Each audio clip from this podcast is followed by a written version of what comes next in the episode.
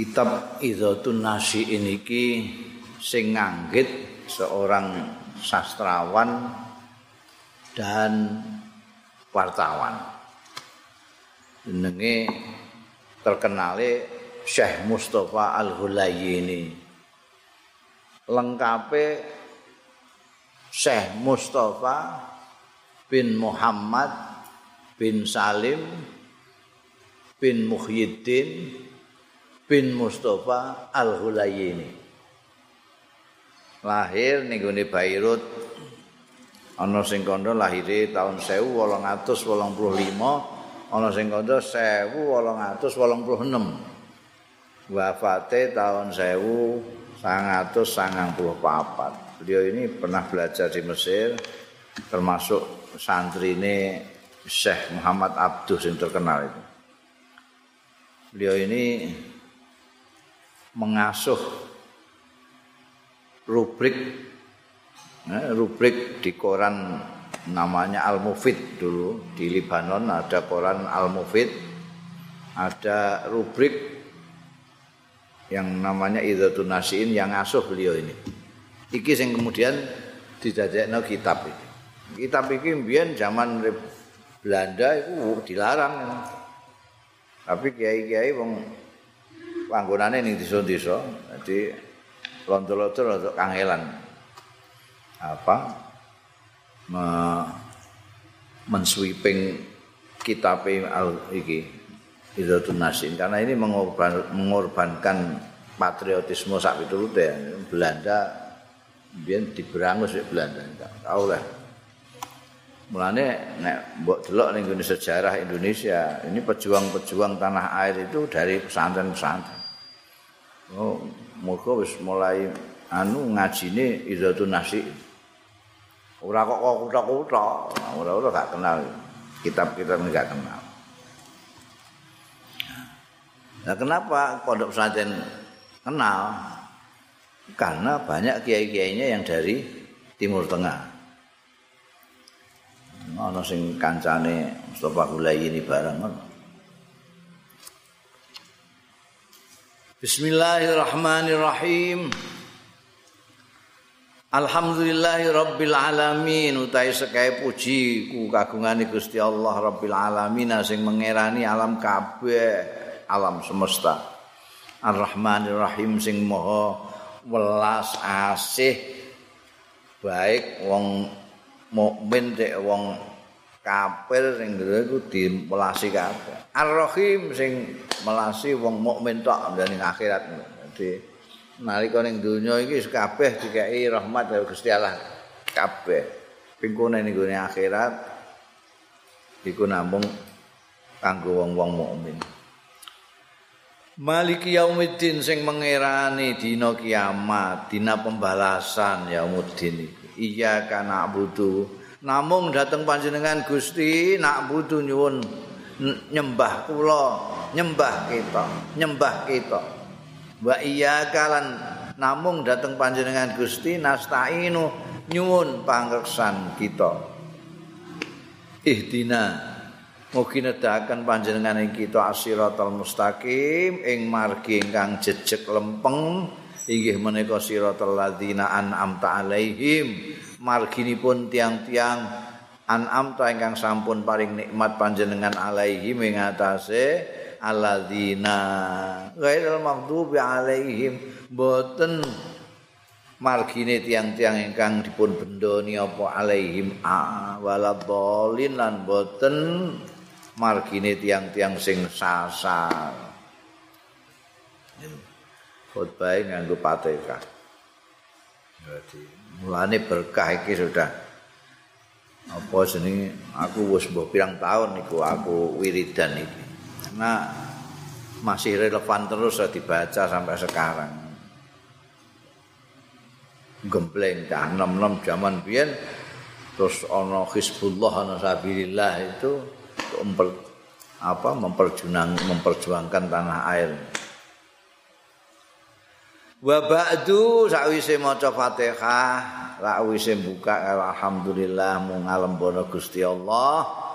fahadhihi mongko utawi iki iku sadaratun mutiara-mutiara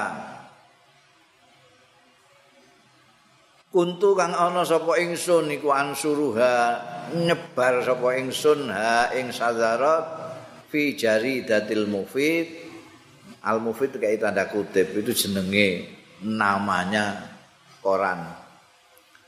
Fi jaridatil mufid ing dalem koran al mufid tahta unwan di bawah judul idzatun nasiin. Wa bi imdai abi fadiyat kanti tanda tangane abi fayat jadi Mustafa Al-Hulayyin ini nama apa nama nama persnya, nama samarannya biasanya pengarang-pengarang itu mempunyai nama-nama nama-nama samaran. Nama samarannya Mustafa Al-Hulayini ketika mengasuh Idzatun Nasiin itu Abu Fayyad. Abu Fayyad. Mungkin putrane ana sing jenenge Fayyad ya. Ya tahu pokoknya itu cara ini nama komersial. Nah, itu Abu Fayyad. Wakat kana laha lan teman-teman ana laha kedue sadarat fi nufusil qurra ing dalem jiwa-jiwane para pembaca. Apa jamilul waqi baguse penerimaan. Wa azimun ta'thir azimut ta'thiri lan gedene pengaruh Wa kana katsirun minhum lan ana apa katsirun akeh minhum saking qura iku yastahsinu nganggep bagus ya katsirun minhum antut ba'a ing yen dicetak apa hadil idzat iki iki nasihat-nasihat fi kitabin ing dalam suwijining kitab watun syaralan den sebarake bainaman antarane wong-wong lam yakun kang ora ana yoman ora ana iku yutaliu maca ngaweruhi melihat tilkal jari data ing mengkono-mengkono koran jadi Syekh Mustafa Al-Hulayyin ini mengasuh rubrik namanya idhatun nasiin. Maknane idhatun nasiin nasihat untuk para generasi baru remaja pemuda. Nasi itu yang baru tumbuh generasi yang baru tumbuh. Rubriknya namanya Idhatun Nasiin yang tanda tangan di bawah itu Abu Fayyad. Beliau menamakan dirinya Abu Fayyad Di sini disebut mutiara-mutiara karena setiap terbit satu mutiara yang satu topik satu topik tentang nasionalisme, tentang persatuan, tentang kebudayaan, tentang ekonomi. Itu setiap rubrik, setiap terbit Al-Mufid itu ada itu. Ternyata banyak yang seneng ambekan itu. Banyak yang tertarik menganggap ini bagus. Mendapat penerimaan yang bagus sekali oleh pembaca. Bahkan pengaruhnya sedemikian rupa sampai ada orang-orang yang men, yang menyarankan bahwa ini dibukukan supaya orang-orang yang tidak langganan koran mufid ini kan tidak semua orang langganan koran. Kalau tidak langganan tidak baca al mufid, tidak baca itu nasi. Mbok ini mutiara-mutiara ini dibukukan dan disebarkan supaya lebih merata yang baca itu. Dapat usulan begitu itu tak renung-renungkan. Falamma qatal tu hadzal amra yakinan. Mongko bareng mantep sapa ingsun mantep sapa ingsun hadzal amra mantepake hadzal amra iki perkara yakinan kelawan yakin. Azam tu mongko nejo sapa ingsun ala nasriha ing atase nyiarake idzatun nasi ini ki sadarat iki. Baina subbanil ummati di antara pemuda-pemuda bangsa. Kanggo apa litaku nalahum nibrosan supaya ana ya idzah utawa sadarat iki lahum kanggo subhanul ummah dadi nibrosan ing pelita wahudan lan petunjuk. Wallahul muwaffiq wong ento ila aqwamit thariq ana sing difase-fase Allah wallahu muwaffiq. Ila aqwamit thariq ya Jadi beliau membuka membukukan ini nulis ini tahun 1913 utawa hijrah 1331 jadi beliau umur berapa itu beliau lahirnya 1886 iya itu. Ini tolong puluh itu apa nampuk itu. Muqaddamatul kitab. Pendahuluannya kitab ini. Ikhwanin nasyiin kanca-kancaku sing baru tumbuh maksudnya pemuda-pemuda. Nah, sing tua-tua sudah layu. Nah, sing pemuda itu masih baru tumbuh. Konco-koncoku para pemuda yang baru tumbuh, hadhi utai iki iku idzatun nafi'ah. Karena beliau ini sastrawan, jadi tulisannya ya puitis sekali, kadang-kadang pengulangan-pengulangan itu. Nah, ini memudahkan awakmu maca. Karena satu kalimat kamu nggak paham terus no engko ono kalimat yang podo kalau kalimat sebelumnya. Dia suka ngulang-ngulang ini termasuk pujangga baru nih cara kene ini.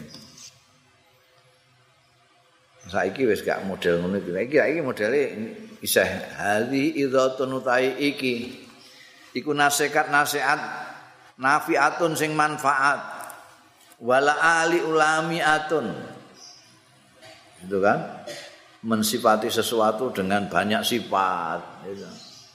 Pertama disifati idzatun nafi'ah. Nasihat-nasihat sing manfaatin. Wala ali ulami atun. Nek mbok tamsilnya iku kaya mutiara-mutiara. Lami atun sing cemlarat, sing cemerlang. Satarauna ha bakal ningali sira. Ha ing idzat iki utawa la alik iki mutiara-mutiara iki mbok tingali mandu matala ikdi ingkang tersusun apa kalung berarti mutiara-mutiara iki bunder-bunder ngene iki ditaleni di dadekno kalung fisil kil ibrati ing dalem apa jenenge senare ibrah-ibrah kuwi pelajaran. Mansurat al-faidah sing tersebar faedahe bikolamil hikmah dengan pena hikmah kearifan kebijaksanaan. Terus itu sing nuduhake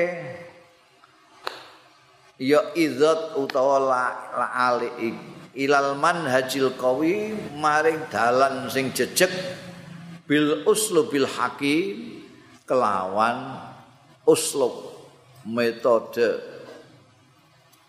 gaya sing bijaksana.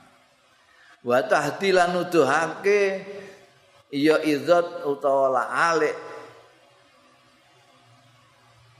Nuduhake man ing wong. Amila sing gelem ngamalna ya man biha kelawan idzat iso nuduhake ila siratin mustaqim maring dalan sing jejeg.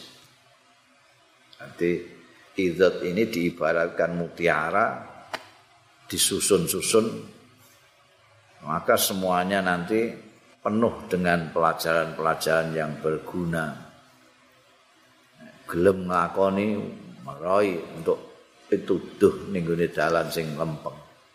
Ansya'tuha nukulna gawe sapa ingsun ha ing idzat iki wa raidi utai pelopor kufiha ing dalem idzat iki iku al ikhlas. Jadi yang mendahului apa yang saya lakukan ini adalah keikhlasan. Ikhlas. Ya. Wasuaya sidkun niat. Patokanku itu sidkun niati benere niat. Niatku mau kanggo nuduhake pemuda-pemuda yang baru tumbuh. Wahia utai idzatiku tahmilu. Gowo ya idzat baina jawaniha di antara sayap-sayapnya digambarno neh idzatun nasi ini kayak burung yang mempunyai sayap-sayap nggawa antarane sayap-sayape maudhu'atin syatta ing topik-topik syatta sing bermacam-macam topiknya bermacam-macam mulai dari politik, hukum, budaya, macam-macam. Minal ijtimai, kayane saking macam-macam iku apa? Ijtima sosial, wal akhlaki, lan budi pekerti. Wa tantawi adhaliuha iki meh padha. Apa jenenge? Jawane hembean adole adole itu igo-igo. wa tantawi iku mengku. Apa adali uha igo-igone izat nek duwe sayap kan duwe igo. Lalu aku kadung dipadakno izat iki nganggo kaya burung jadi ora mau duwe sayap yang membawa topik-topik macam-macam tapi juga igo-igo alamadhamin mutanawiyah ing atase kandungan-kandungan mutanawiatin sing berjen macem-macem minal adab saking budayaan wal hikami lan hikmah-hikmah. Gampangane sini istima akhlak adab hikam Bahya mongko utawi idzat iku jak batu ibar. Wa kinanatu idzat merupakan wadahe wadahe pira-pira pelajaran. Ibar itu ibarat jamaah ibar. Sesuatu yang bisa dijadikan pelajaran. Jakbah itu asale wadah anak panah itu. Sing ning guri ku ana telongsongan ada panah itu jenenge jakbah. Nah nek kinana iku ada itu mbak. Ini pokoknya wadah anda. Ada tapi ada senjata. Mergo ini bisa untuk senjatamu nanti itu idatun nasi untuk berjuang. Nah, mulane tuh enam selno barang iku wadah ora kok nganggo tenong. eh, utawa apa jenenge kebo ngono tapi nganggo jakbah karo kinana. tempat senjata. Merupakan jakbatu ibar wakina natu idhatin lan wadai nasekat-nasekat. Yadra'u biha sing iso kanggo nolak biha kanti jakbah lan kinanah sapa annasiu generasi muda yang baru tumbuh annafsihi saking awak dhewe ini kowe nek iki mbok ngamal pelajari kamu seolah-olah membawa senjata untuk membela diri. Melawan apa? Membela diri dari apa? Berjuang melawan apa? Yadra'u biya juyushal khumur. Ing pasukan-pasukan kumul. Kumul itu kumul itu malas-malasan lah. Ngene moh, ngene moh. Ayo nah. Ah, aku. Lah piye iki enake piye terserah kowe lah. Dadi iki gak ora kowe. Payo lho mama kan. Mama ngene ae aku. Wis ora duwe karep ora semangat ra apa kumel. Kumel, kumul. Gak.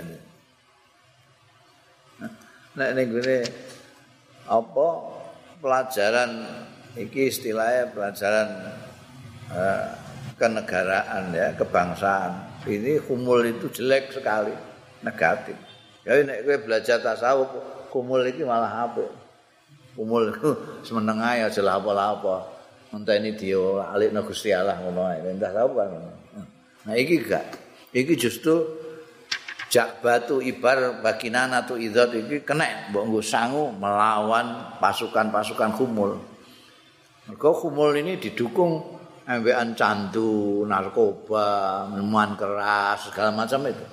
Orang sekarang perang ning dunia itu macam-macam. Perang untuk supaya orang masyarakat sana kumul, ndak pikirane ora kanggo, mau dikai avion, dikai hasis, dikai morfin, ya. obat-obatan. Sing saiki narkoba. Perange ngono. pun wis do lemes kabeh kumul kabeh karek mites ini tes tes tes tes tes dijak apa-apa wis ora mikir blas jak ngebom ya gelem. Ndak ngebom awake dhewe ya gelem. Mergo pikirannya sudah. Sudah dikono sih itu perang modern. Nah ini Syekh Mustafa Husain hati-hati kowe kena kena kumul iki tak gawani senjata. Panah mek tombak. Maksudnya iki dawuh-dawuh iki. Untuk melawan juyusal khumul wa kata ibad doa. Ini podo maknane. Juyus iku pasukan kata itu nek bahasa saiki ini resimen. Jadi ning tentara itu ada kelompok-kelompok yang ada yang regu, ada yang peleton, ada yang batalion, ada yang lebih banyak lagi resimen. Iku iku ana pangkate dhewe-dhewe sing nangani iki kopral, sing iki kapten, sing iki kolonel, sing iki jenderal urusan militer. Bahasane kata kabeh pasukan disebut juyus. Tapi kita mesil saja. Mereka kata ibu doa, doa itu meh podo maknanya kalau kumul. kesia-siaan. Eh ya iku mau wis lan dikarep wong lan dikarep. Dengan ini dadi duwe karep hati melawan kemalasan dan lain sebagainya. Bayat fa umayan tabuha min awadil amrad lan iso nolak ya nasik maing barang yang tabuha sing ngeneki ya maha ing nafsihi min awadil amrad saking serangan-serangane penyakit-penyakit al istimaiyati sing bangsa sosial, penyakit-penyakit sosial. Penyakit sosial ana ombe ana main judi ana macam-macam lah penyakit sosial narkoba. Watara watawari al asqam lan serbuan-serbuane penyakit-penyakit azamania sing bangsa masa kini zamannya penyakit-penyakit zaman. Penyakit zaman ini sekarang kan wah macam-macam. Kowe nek gak nggo senjata bahaya tenan kowe bahaya. Kowe piye kene iki ana sing nganggo apa? Enek sing nganggo ajaran dan pengaruh saka barat. Kene ana ajaran saka timur tengah. Ajaran kondisi macam-macam. Zaman ini luar biasa. Ana sing ketoke itu agamis tapi ternyata saitonis itu ya. Ada sing kan macam-macam. Ada mulane iki gawani senjata kowe ngono. Fa'atu alaiha ayuhan nase monggo ketut. Ketut iku geget geget tok sira. Kanggo untu ayuhan nasiun hai generasi muda.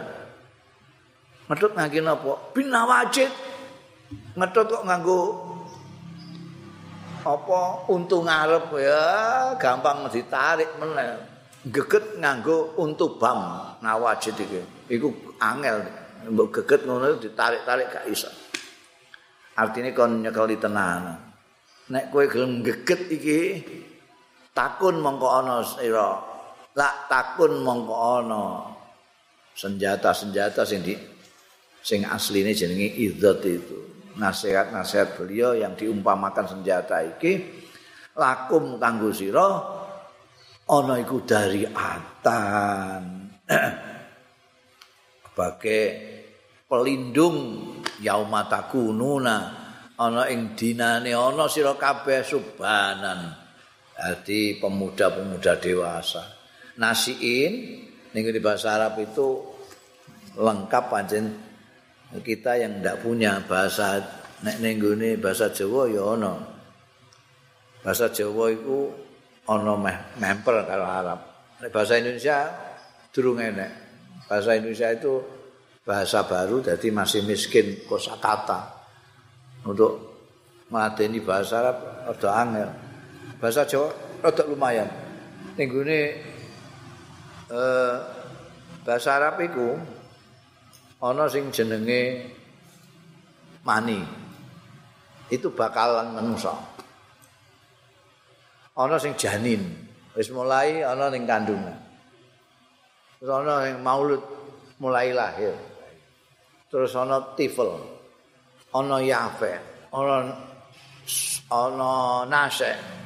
Ana murahek. Ana syab.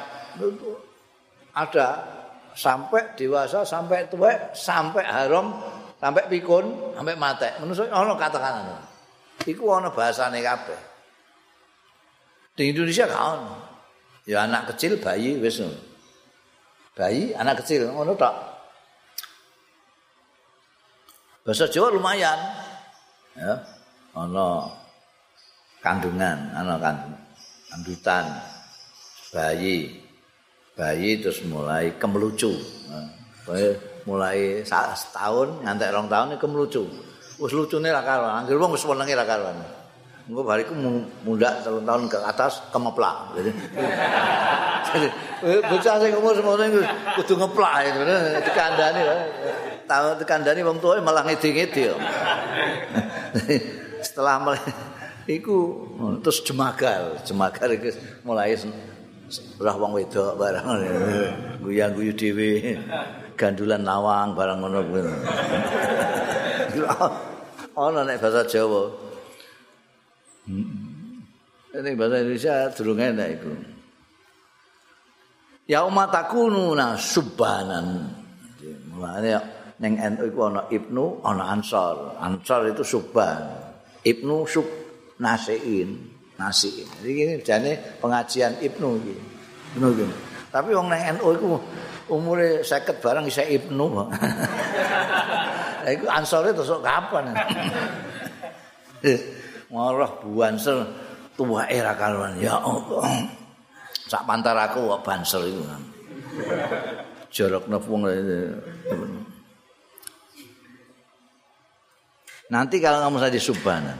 Wa zukhran lan dadi simpenan khina tasiruna shiba lo. Nalika dadi sira sibaning tuwa. Subhanan itu sak umure umure Ansor Siba iku sak umure NU ana wis tu Wa salamun alaman sami'a idzati fa wa'aha Utai keselamatan muga tetep alaman ing atase wong. Samia sing gelem ngrungokno ya man idzati ing nasihat ingsun iki fawaaha. Mongko ma asal maknane fawaaha madai mengingat-ingat eh menghayati. Wa amila lan ngamalake bimuktadha kelawan tatrapane tuntutane idzat iki